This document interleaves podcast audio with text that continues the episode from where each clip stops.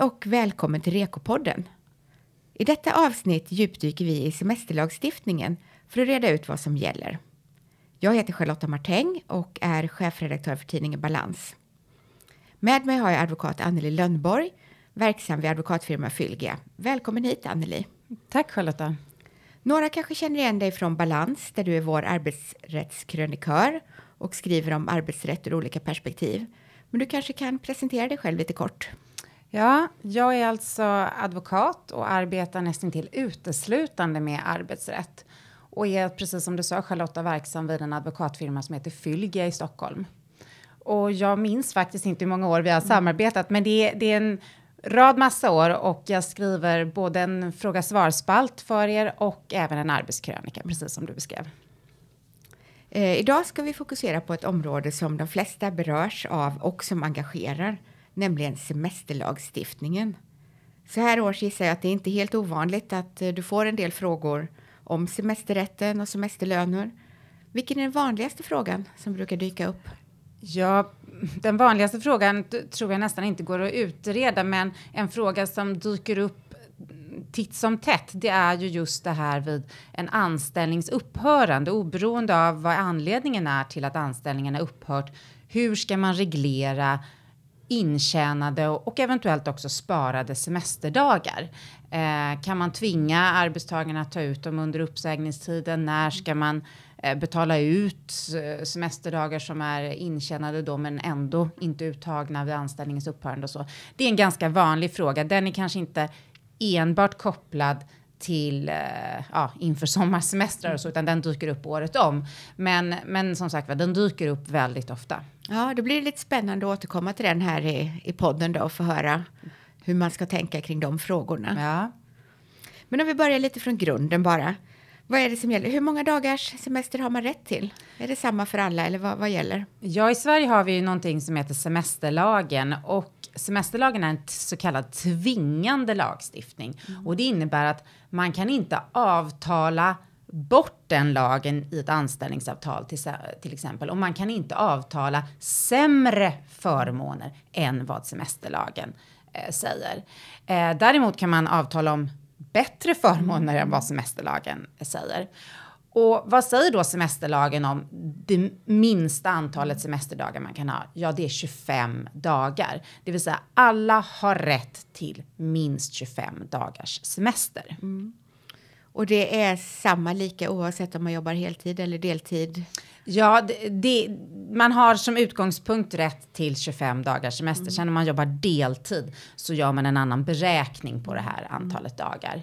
Um, jag tänker att vi kanske inte går in på beräkningen här, mm. för den kan vara lite komplicerad. Men utgångspunkten är att alla har rätt till minst 25 dagars semester. Mm.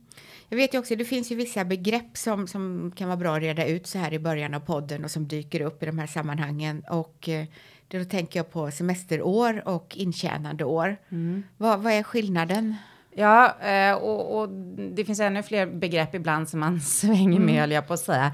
Men semesteråret, det är det året man tar ut de semesterdagar man har tjänat in. Och det som då kan kännas lite märkligt i det här, det är att semesteråret infaller först året efter intjänande året, det vill säga det första året. Det löper från 1 april ena året till 31 mars påföljande år. Det är intjänande året, det vill säga det året man tjänar in sina semesterdagar. Hur kommer det sig att det inte följer ett kalenderår? Vad, vad liksom är tanken? Ja, jag vet egentligen inte tanken. Jag, jag kan bara spekulera och tror att det, det, det är kopplat till att påbörjar man en anställning senare än per första januari så ska man ändå kunna tjäna in semester för det kommande året mm. så att mm. säga. Men, men jag vet inte anledningen exakt, men det är min egen spekulation kring det. Mm. Men när man pratar om det här med att en arbetsplats har ett sammanfallande intjänande år och semesterår, mm. vad betyder det? Mm. Ja, då är det så att intjänande året och semesteråret är detsamma. Mm. Och det betyder inte då att det börjar första januari, utan semesterlagen föreskriver då att det är från 1 april till 31 mars. Eh, men de här intjänande och semesteråren sammanfaller, så man har rätt att ta ut semesterdagar redan under det första året som egentligen kallas intjänande år. Och i takt med att man jobbar på under det här intjänande året så tjänar man ju som sagt var in semester och trots att man då också tar ut semesterdagar under det intjänande året så avräknas de hela tiden i takt med att man tjänar in så att säga. Och, och det är inte samma sak som förskottssemester? Det är inte samma sak. Eh, det är olika, olika termer och förskottssemester så att säga. Det är någonting som man egentligen avtalar om med arbetsgivaren. Det, det, är ett separat avtal mellan arbetstagaren och arbetsgivaren vid anställningens ingående.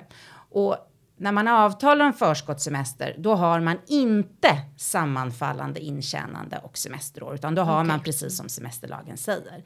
Men då kan det ju vara så att man ja, man, man vill ta ut semesterdagar ändå under sitt första år som egentligen är då intjänandeåret. Och då kan man komma överens om att man ska få ta ut dem i förskott. Mm. Är det vanligt att man har det på det eh, sättet? Jag tycker att det var mer vanligt eh, förr i tiden, om vi går tillbaka mm. kanske 15-20 år. Eh, idag, eh, sett till också hur vi arbetar och, och, och mm. sådär, vi är mycket mer flexibla som arbetsgivare. Mm. Eh, när jag får frågor om förskottssemester så är det ofta äldre anställningsavtal skulle jag säga. Så i dagens moderna samhälle så tycker jag att man är mer pragmatisk och man håller inte på och, och, och, dribblar så mycket med just förskottssemester och anledningen till det, det är ju för att begreppet förskottssemester innebär ju då att upphör anställningen inom fem år från det att man tog ut den här mm. förskottssemestern. Alltså inte inom fem år från det att anställningen började, utan från det att förskottssemestern togs ut. Då upphör då anställningen inom den där femårsperioden, då ska man eh, betala tillbaka som en semesterskuld till mm. arbetsgivaren. Och det här är ganska krångligt att beräkna tycker många arbetsgivare och det är därför man har försökt gå från det här skulle jag säga. Man är mer pragmatisk mm. skulle jag säga och kanske också även om man inte har tjänat in semesterdagar så kan man ju ta ut semesterdagar men utan semesterlön. Mm. För det är ju det som är saken så att säga. En semesterdag berättigar ju till en peng så att säga. Eh, men man kan ju som arbetsgivare vara flexibel och tillåta att, man tar, att arbetstagaren tar ut semesterdagar men då inte får semesterlön under den mm. dagen. Ungefär som en tjänstledighet kan man säga. Ja, det man brukar prata om obetald semester. Ja, ja. precis. Och det mm. tycker jag att vi går mer emot än att vi håller på med förskottssemester. Mm. Men det existerar fortfarande, mm. det gör det. Ja, det känns ju som att förskottssemester blir ganska opraktiskt på rörlig arbetsmarknad då, om man inte är så länge på sina arbetsplatser numera som man kanske var för Precis. 10, 15, 20 år sedan. Och det är det jag menar att man ser det mer i äldre mm. anställningsavtal och kanske branscher där vi har en mer trögrörlig arbetsmarknad så att säga.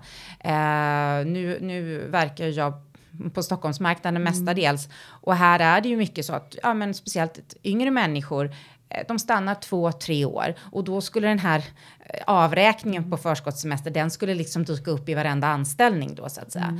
Mm, mm. Eh, så att jag tycker, jag själv eh, använder mig inte så mycket av förskottssemester för att inte säga inte alls när jag upprättar olika anställningsavtal för klienter och så. Eh, om inte klienten själv eh, vill ha det så att säga. Mm, mm.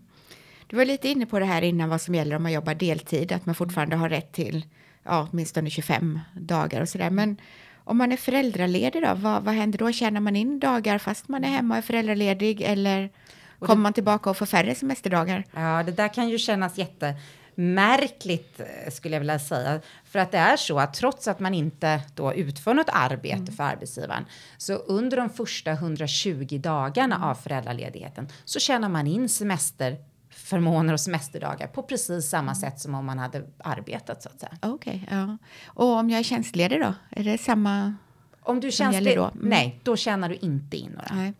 Det är en annan typ av ledighet så att säga och då står du inte egentligen till arbetsgivarens förfogande på det sättet. Mm. Hur funkar det under en provanställning?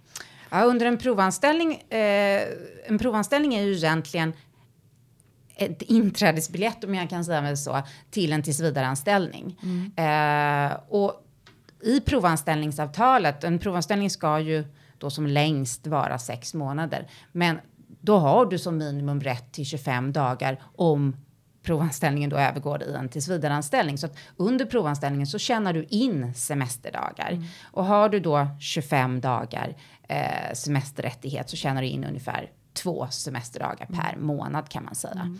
Så, så efter sex månader då så har du tjänat in sex gånger två dagar. Och man har också rätt att ta ut semester under en provanställning? Eller? Ja, och det kan ju också kännas konstigt mm. för man är under en prövotid. Men ja, det har man faktiskt. Sen tenderar väl eh, arbetstagaren inte begära ut de där dagarna under, under provanställningen. Och kanske arbetsgivaren inte heller tenderar att bevilja så mycket eh, uttag av semesterdagar. Men, men man har rätt till de dagarna man, man tjänar in. Och skulle då provanställningen eh, avslutas utan att gå över till en tillsvidareanställning efter till exempel de här sex månaderna, ja då får, ska man ju få ut de här semesterdagarna i form av eh, semesterersättning istället. Mm.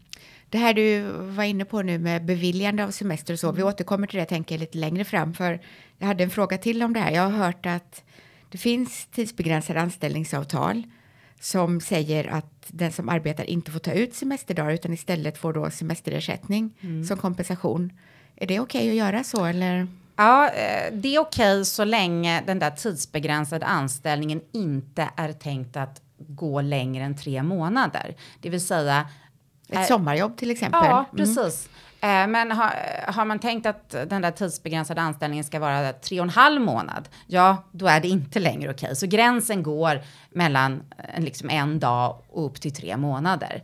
Då kan man avtala om att personen i fråga, arbetstagaren, inte har rätt att under sin anställning ta ut semesterdagar, utan istället få då det den tjänar in under de här låt säga tre månaderna i form av semesterdagar, ska den få löpande varje månad i samband med månadsutbetalningen, alltså månadslönens utbetalning, få utbetalt i form av semesterersättning. Det som är viktigt i det sammanhanget, det är att det på lönespecifikationen tydligt måste anges vad som är själva lönen, månadslönen eller timlönen eller vad det är och vad som är semesterersättning. varför är det viktigt? Ja, annars, det, annars kan det då uppkomma en situation där arbetstagaren, vilket inte är helt ovanligt, säger att nej, jag har inte fått den här semesterersättningen. Mm. Och arbetsgivaren menar på, jo men det har du visst det. Eh, men om det bara står en rad månadslön och så mm. i den månadslönen är det här beloppet inkluderat mm. Så är det väldigt lätt för en tvist. Mm. Så alla som jobbar med, med lönefrågor och löneutbetalningar, de ska vara lite extra uppmärksamma? Ja, det tycker jag. Sen tycker jag att många är väldigt duktiga på det här, ska jag säga, mm. och har väldigt stor koll på det. Men eh, det är inte ovanligt, skulle jag säga, mm. att sådana här frågor eh, dyker upp. Och också viktigt att i, redan i anställningsavtalet att man har reglerat det här så att säga, att det står där tydligt. Um, är man jurist så älskar man ju dokumentation så att... Mm. ja. ja, det är det många i vår bransch som gör också. ja. eh, semesterplanering och schemaläggning och sånt här, det är ju lite klurigt för många företag att få ihop bemanningen under sommaren. Eh, hur tidigt har jag som anställd rätt att få veta när jag får ta ut min semester, om jag får den beviljad eller inte? Mm. Kan arbetsgivaren till exempel kräva redan i, i, mitten av februari att jag ska tala om hur jag ska vara ledig till sommaren? Ja, egentligen måste, skulle jag säga, arbetsgivaren redan i februari fråga, och det är beroende givetvis på hur stor arbetsplatsen är, men för att kunna sätta då ett, ett schema för verksamhet eller, eller så. Och anledningen till det är att semesterlagen säger faktiskt att arbetsgivaren senast två månader innan semestern de facto ska tas ut så ska arbetstagaren ha fått ett besked om den då ansökta semestern är beviljad eller inte. Och om man då tänker sig ungefär att någon vill gå kanske i samband med skolavslutningen i juni, ja, då ska beskedet vara då två månader innan och om det här gäller flera arbetstagare ja, och arbetsgivaren behöver lite tid att sätta ihop ett schema, då är vi nästan i februari. Ja. Eh, vilket känns jättemärkligt eh, mm. att man ska börja planera när man precis kommer hem från sportlovet. Mm. Men, men ja, mm. så ser verkligheten ut.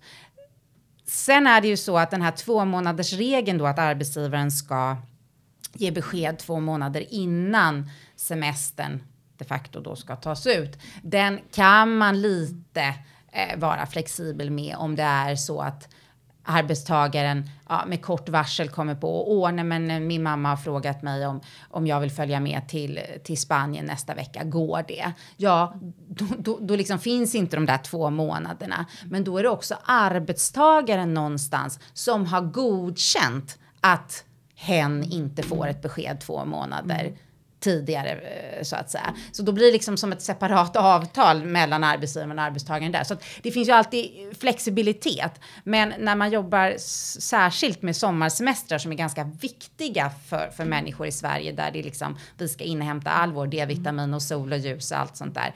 Eh, då skulle jag säga att man ska försöka hålla sig till, till ett tidsschema som gör att man kan lämna besked två månader innan. Mm. Eh, så. Är det så att man alltid har rätt att få ut ett visst antal veckor under sommaren? Ja, eh, i Sverige är det ju så. Det är ganska unikt skulle jag säga, men det beror på att vi, vi lever ungefär i sex månader i totalt mörker här. Eh, men man har rätt att ha fyra sammanhängande veckor under månaderna juni, juli och augusti. Mm. Eh, sen kan, kan det ibland inte alltid gå beroende på verksamheten. Så att det kanske blir två veckor i början av sommaren och två veckor i slutet eller så. Men huvudregeln är att man faktiskt ska få tid för rekreation under våra härliga sommarmånader i fyra veckor. Men betyder det också att chefen kan komma och säga att nu ska du ta ut fyra veckor i juli? Punkt. Eh, ja, arbetsgivaren har ganska stort eh, utrymme. Eh, men jag skulle säga att i de fallen arbetstagaren inte vill ta ut fyra veckor. Det kan ju vara så att man har tänkt att man ska åka och backpacka eller båtluffa i Asien i, på, i november när det är som eh, gråast här. Ja, då kan arbetsgivaren inte tvinga arbetstagarna att ta ut de där fyra veckorna under sommarsemestern om det inte är så att just under november så är verksamheten så kritisk att alla är på plats så att säga.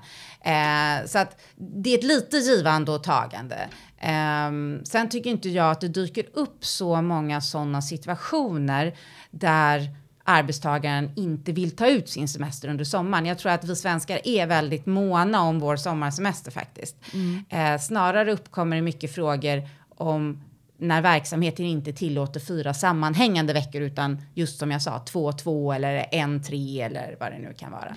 Eh, Sådana frågor kan mer skapa irritation skulle jag vilja säga hos arbetstagaren, vilket man kan förstå så att säga. Mm, ja. Men jag tänker om jag då har fått min semester beviljad och så åker jag iväg med familjen till Kreta. Kan då företaget ringa och säga att nej, men nu måste du avbryta semestern och komma hem och jobba? Ja, det, det, det hemskaste i, i, i, historien så är det faktiskt så. är det oavsett vilken roll man har på ett företag? Eller? Det är oavsett vilken roll man har, men vad det ska föreligga, det är någonting som är så luddigt som synnerliga skäl. Det vill säga, är semestern beviljad av arbetsgivaren och man åker då till Kreta med familjen och arbetsgivaren känner till detta, eller arbetsgivaren behöver för sig inte känna till att man just åkte till Kreta, men semestern är beviljad. Då krävs det synnerliga skäl för att arbetsgivaren ska kunna kalla tillbaka, alltså beordra arbetstagaren tillbaka i arbetet. Vad skulle det kunna vara? Och vad är synnerliga skäl? Vi skulle kunna ta pandemin. Mm. Eh, en stor del av, av, av, företaget har drabbats av, av corona och man kan inte driva verksamheten vidare. Det är ett bra exempel på mm. synnerliga skäl. Mm. Det ska krävas något lite extra. Arbetsgivaren kan inte bara själv gå in på golvet och ställa sig och göra de där arbetsuppgifterna, eh, utan det behövs mm. verkligen den här personen som är på Kreta.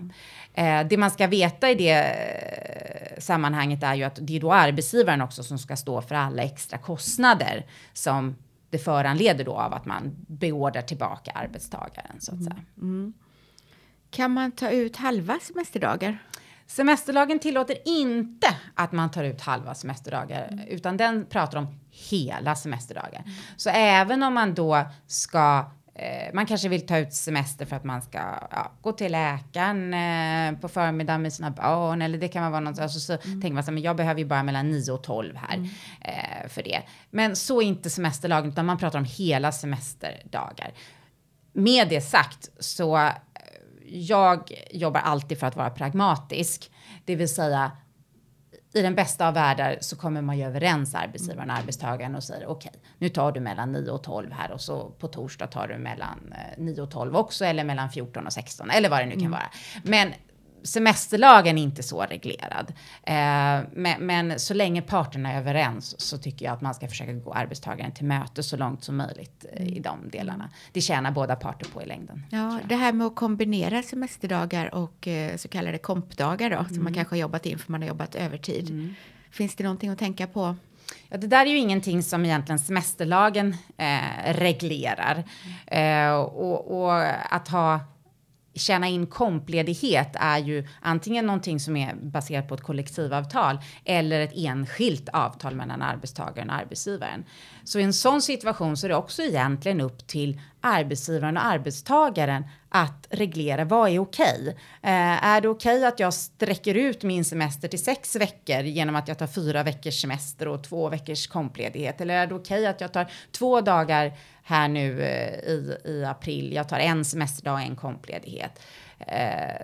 Eh, en, en ömsesidig överenskommelse mellan arbetstagaren och arbetsgivaren. Det är ingenting som semesterlagen eh, reglerar så att säga. Mm. Om jag av någon anledning inte hinner eller inte vill ta ut alla mina semesterdagar, mm. vilken rätt har jag att spara dagar och mm. hur länge? Man har en rätt att har man över 20 semesterdagar, man tjänar in mer än 20 semesterdagar under ett år, eh, då har man rätt att spara överskjutande fem. Det vill säga om vi tänker då att det minsta antalet semesterdagar man kan ha är 25. Då säger semesterlagen att man ska i vart fall ha varit ledig och tagit ut 20 semesterdagar. Mm. De överskjutande fem, de får man spara och de får man spara i fem år. Det vill säga man måste ta ut de senaste sjätte året som de då har legat och sparats. Mm.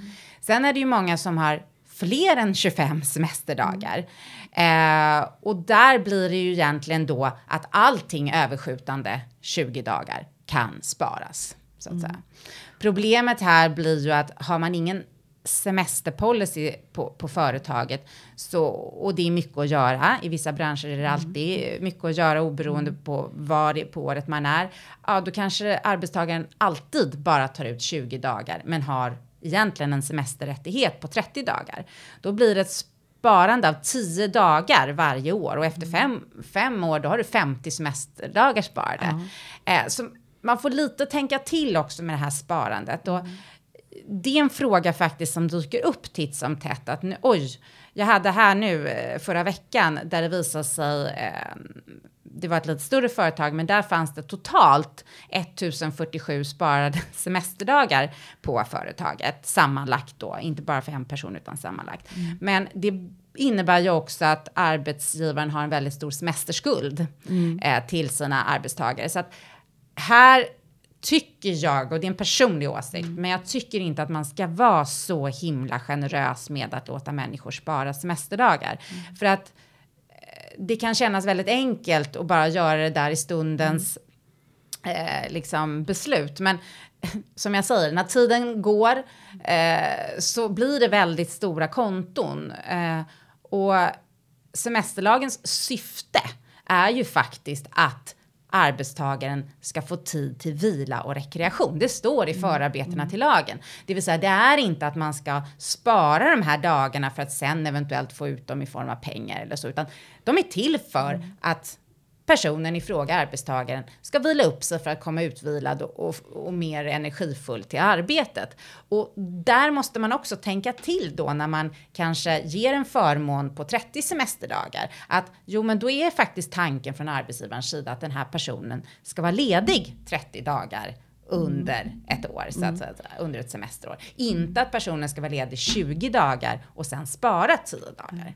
Så att ja, det är väldigt lätt att bara skriva i anställningsavtal att ja, äh, de får 30 dagar. Men sen när det väl kommer till praktiken mm. så är man kanske inte lika benägen och villig att ett, bevilja den där 30 mm. dagars semester. Eller två, så tillåter inte verksamheten det. Och då tycker jag kanske inte att det är ett sätt att att ge förmåner, som man ofta tänker på då i form av semesterdagar, att ge en förmån på ytterligare fem semesterdagar från 25 till 30, utan då kanske man ska ge en förmån på något annat, eh, vad det nu kan vara, vara så att säga. Allt ifrån ja, eh, bilförmån eller man får, får städning hemma som en förmån eller, mm. eller vad som helst. Men man, man får lite tänka till. Ja, men det är ett jätteintressant mm. tips. Ja. Mm. För jag tänker om man nu då ändå har en sån situation där någon eller flera har samlat på sig väldigt många dagar och man sitter, man kommer upp till år, ja, in på sjätte året då. Vad, vad händer då om man inte har hunnit ta ut dem? Brinner de inne eller måste arbetsgivaren betala ut dem i pengar? Ja, egentligen är man eh, skyldig då som arbetsgivare att se till att de här läggs ut så att säga. Och det ska man ju egentligen göra under alla de här fem åren. Mm. Men eh, i praktiken, är, teorin låter det bra, men i mm. praktiken är, händer ju ofta just det att man kommer in på det sjätte året och oj, oj, oj, nu har du eh, ja, 10, 15, 20 sparade semesterdagar här. Och, men då ska man ju i, så långt som möjligt försöka lägga ut de här dagarna. Så säga. Det är det som är syftet. Går inte det av någon anledning, av verksamhetsskäl eller vad det nu kan vara, då ska de betalas ut i form av semesterersättning. Mm. Är det arbetstagarens ansvar då att se till att det blir gjort eller är det något som arbetsgivaren bara förväntas sköta? Nej, jag skulle säga att det är arbetsgivarens ansvar. Mm. Eh, det är arbetsgivaren som ska se, se till, det här är också ett arbetsmiljö perspektiv i det hela. Mm. Att uh, människor mår bra och får vila upp sig. Så det, det är arbetsgivaren som ska se till att det inte sen slutar med att folk har allt för stora uh, sparade semestersaldon som inte heller går att lägga ut. Att mm. Uh, jag har hört att man måste ta ut årets semester innan man tar sina sparade dagar. Mm. Stämmer det? Ja, det mm. stämmer. Mm. Så, och det är ju också till syfte av att man inte då, man tar ut massa sparade dagar mm. först och sen så har man då 25 nya mm. som man sen skjuter över fem utav eller vad det nu är. Mm. Så att det liksom bara blir ett nollsummespel. Utan man ska försöka tvinga, om man mm. nu kan säga som semester, men man ska försöka tvinga arbetstagaren att först ta ut de dagarna du har tjänat in, då 25 dagar om det är det, och sen försöker vi lägga ut de här sparade dagarna också. Eh, det som är vanligt också, det är ju personer då som man, vi pratar om föräldraledighet, men där tjänar du in då under de första 120 dagarna. Och sen så när du börjar komma tillbaka och arbeta, ja men då tjänar du in nya dagar. Mm. Och de personerna eh, har ofta lite större semestersaldon så att säga. Men då gäller det ju för arbetsgivaren att, att liksom ja, pusha lite. Ja, men, var ledig nu med barnen eh, en extra mm. vecka här och sådär. Um, ja, in, intressant tänker, nu har vi pratat lite grann vad som gäller om man har en anställning och sådär. Men om man säger upp sig mm. och så har man säg tre månaders uppsägningstid och så har jag semesterdagar kvar att plocka ut. Hur kan man tänka runt det eller vad, vad gäller? Och har, jag, har jag rätt att ta ut min semester då? Om jag har sagt upp mig och så har jag 20 dagar kvar, har jag rätt att bara plocka ut dem hur som mm. helst? Och det där är ju väldigt vanlig fråga som dyker upp då när, när anställningar upp, upphöra av mm. vilket skäl det än är så att säga. Och huvudregeln kan man väl säga är två. Det ena är att arbetsgivaren kan inte kräva eller tvinga att arbetstagaren tar ut sina semester, intjänade eller sparade semesterdagar under en uppsägningstid. Det är den ena regeln. Den andra regeln är att det är endast beviljad redan innan alltså anställningen har sagts upp av antingen arbetsgivaren eller arbetstagaren redan beviljad semester som får tas ut under uppsägningstiden. Det är de två huvudreglerna. Sen kan det ju finnas fall där arbetstagaren känner att jag vill inte komma tillbaka till den här arbetsplatsen på min, under min uppsägningstid eh, över min döda kropp så att säga. Jag vill göra allt för att inte behöva komma tillbaka. Och då kan ju arbetstagaren i ett sådant exempel komma in med en begäran eller en ansökan om att skulle jag kunna få ta ut mina semesterdagar under uppsägningstiden? Eh, och är arbetsgivaren då välvilligt inställd till det så finns det ju inga hinder för att ta ut dem. Eh, men, men i annat fall så, så ska de där semesterdagarna betalas ut vid anställningens upphörande senast en månad därefter, det vill säga uppsägningstiden löper ut och senast en månad därefter i samband med någonting som kallas för slutlön. Då ska de här dagarna som man har tjänat in även under uppsägningstiden, man tjänar ju in semesterdagar även under uppsägningstiden. Men alla semesterdagar som finns då på den här arbetstagaren, mm. sparade, intjänade, allting, det ska betalas ut i form av semesterersättning då senast en månad efter anställningens upphörande. Mm. Och det som är viktigt i det sammanhanget är också att gör man inte det här, betalar man inte ut de här dagarna då senast en månad efter anställningens upphörande, då kan man som arbetsgivare bli skadeståndsskyldig. Eh, och det kommer sig av då att semesterlagen är en tvingande lagstiftning. Mm. Men jag tänker om jag då har ledighet kvar och jag säger upp mig kan företaget då tvinga mig att ta ut min semester? Och det är ju många arbetsgivare som vill det, mm. men det kan man Just inte. för att slippa tänka betala semesterersättning. Absolut, och, precis. Och, och, det är många som, mm. som också då får den här känslan. De, mm. de ber sin ekonomiavdelning titta på, kanske direkt på fråga mm. från mig, kan ni titta på hur många dagar den här personen mm. Eh, har sparade och sen börjar vi titta på det och så tittar vi också räkna på då hur många dagar kommer personen tjäna in under uppsägningstiden. Mm on top of de här sparade dagarna så att säga. Och då kan ju arbetsgivaren eh, känna att oj, det här blev för mycket betalt. Mm. Liksom, eller som Men det kan ju bli stora summor. Det kan bli väldigt ut. stora mm. summor. Eh, och särskilt då för företag som mm. kanske har då över tusen sparade mm. semesterdagar som mm. jag berättade om. Eh, och då är ju den spontana reflexen och känslan här, nej, personen får faktiskt ta ut de här under mm. uppsägningstiden. Men det kan inte arbetsgivaren göra. Arbetsgivaren kan inte tvinga arbetstagaren att plocka ut eh, semesterdagar under uppsägningstiden. Okej. Okay. Mm. Mm. Om vi går över lite grann då till området semesterlön och tittar lite mer på den ekonomiska delen. Mm. När ska semesterlönen normalt betalas ut? Mm. Är det i samband med att man tar ut sin semester eller en gång om året eller löpande över året? Och semesterlön är egentligen en ganska konstig företeelse. Mm. För vad det innebär är att man får lön även när man är ledig. Mm. Det vill säga egentligen är ju grundtesen den att du utför arbete för arbetsgivaren och för det får du lön. Men i Sverige har vi då det så förmånligt att även när vi är lediga får vi lön och det kallas semesterlön. Och den betalas vanligtvis ut en månad eller månaden efter kan man säga när man har haft semester. Så att säga. Mm. Så den är liksom eftersläpande. Är det unikt för Sverige eller är det vanligt förekommande i Norden, Europa? Hur? Jag skulle säga att det finns eh, semesterlön, de flesta har lön under sin mm. Eh, semester. Eh, sen vad den baseras på, om det är lag, avtal, kollektivavtal, det är lite olika. Mm. Eh, men eh, går man till vissa länder och pratar om detta, då tycker de att det är helt, eh, ja, dels tycker de ju våra 25 semesterdagar är alldeles för generöst och alla våra röda dagar och sånt där tycker att vi undrar om vi överhuvudtaget arbetar mm. i Sverige.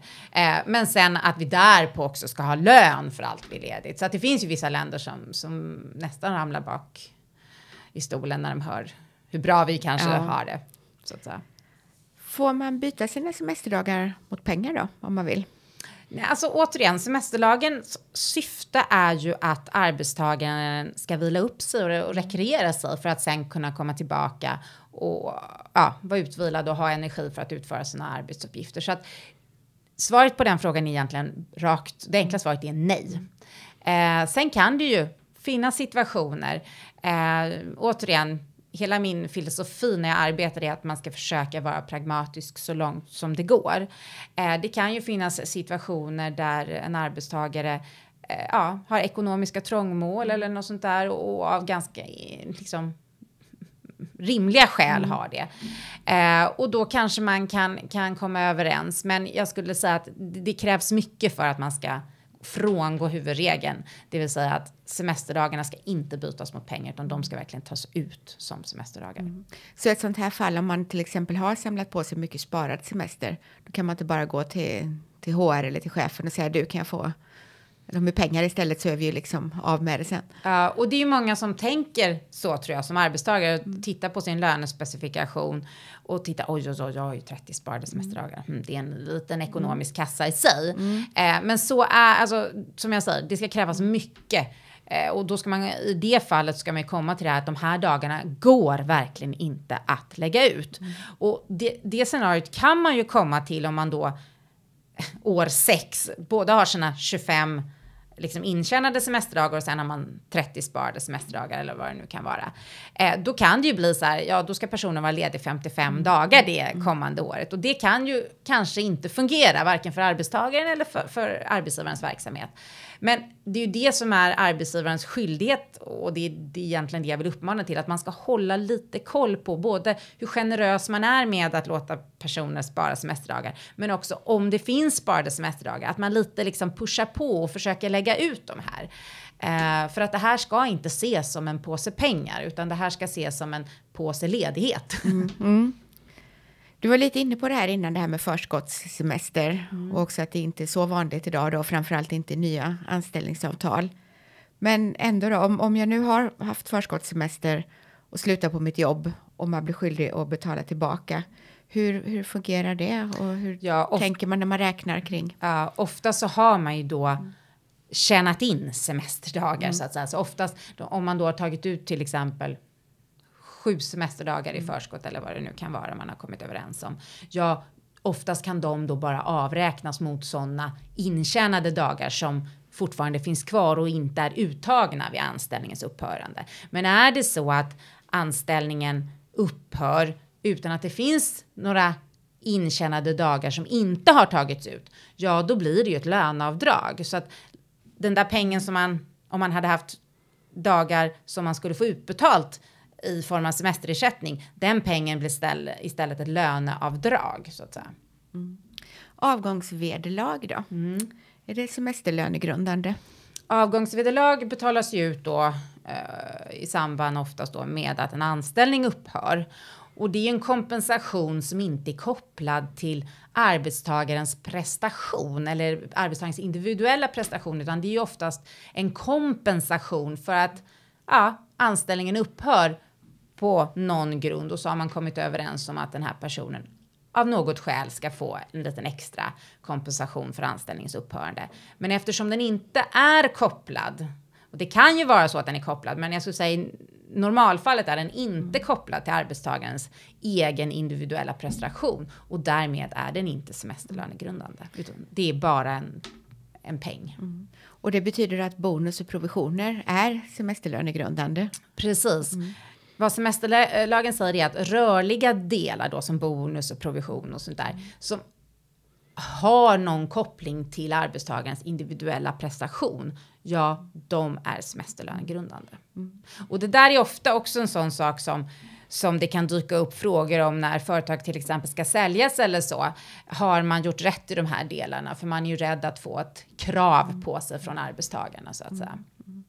Hur vanligt är det att det blir tvister och processer just om frågor som rör semestern eller semesterlönerna då? Mm. Jag skulle säga att det är ganska vanligt. Eh, jag tycker att det dyker upp frågor hela tiden. Sen är inte alla frågor som blir en, en domstolsprocess av det. Eh, men ehm, jag tror du och jag, Charlotta, har pratat om det tidigare, men bara på alla år jag har hållit på med det här så ser jag en otrolig ökning av stridslystenheten hos arbetstagarna och då kan man ju fråga sig hur kommer det sig? Jo, vi har Google idag. Vi hade inte det i början på 2000-talet på samma sätt. Det vill säga, du kan så väldigt lätt googla dina rättigheter och skyldigheter och det gör ju att arbetstagaren väldigt lätt kan få information om vad har den för rättigheter och särskilt i ljuset då av kanske att man har blivit uppsagd, tycker man felaktigt eller något sånt där och känner sig kränkt eller man tycker man är, man har, ja, blir behandlad illa. Ja, men då är det ganska lätt att, att, att googla med det här med semester. Hur var det? Och var det verkligen så att jag bara skulle få de här pengarna? Eller vad, kunde arbetsgivaren tvinga mig att ta ut semesterdagar under uppsägningstiden och sådär? Du får ganska snabbt och lätt svar på Google. Sen behöver inte de alltid vara korrekta, men det väcker en fråga som arbetstagaren ganska lätt går vidare med. Mm. Då gäller det ju verkligen för arbetsgivaren och alla som jobbar just med lönefrågor och liknande att vara på tå Ja. hela tiden och hålla koll på, Ja, på vad som gäller just nu. ja, och jag tycker att eh, och i takt med just det här att det blir mer tvister och frågor som dyker upp så blir vi eh, bättre och bättre skulle jag säga. Det är väldigt sällan man ser eh, jättestora semestersaldon eh, och sådär. Eh, men det förekommer och särskilt i vissa typer av branscher som är väldigt eh, intensiva året om, det vill säga där det inte finns de här kanske mer naturliga eh, vilopauserna. Många branscher går ju lite ner i takt under sommaren, men sen finns det branscher som är intensiva året om och där tycker jag att eh, man ser då eh, de här stora semestersaldorna och, och sen blir det ofta problem skulle jag säga när någon ska sluta. Eh, för att man får, får lite, blir lite kallsvettig över hur ska vi kanske ha råd att betala den här stora semestersaldot eller hur ska vi göra med det eller sådär. Då vill man gärna sopa det under mattan och sådär. Ja, men då är det ju perfekt att lyssna nu på, på Rekopodden den här gången och, och få veta lite grann vad som gäller. Precis. Och med det sagt så får vi avrunda podden för idag. Ni som är nyfikna på fler frågor och svar kring semester och arbetsrätten, då säger jag att håll gärna utkik efter balans nummer tre. Så kommer ut i månadsskiftet maj-juni. Där är ju du med, Anneli, som expert i expertenfrågan. Just det. Och jag säger också tack till dig, Anneli, som har varit med och hjälpt oss att reda ut vad som gäller. Och tack till alla er som har lyssnat. Tack för att jag fick komma. Tack.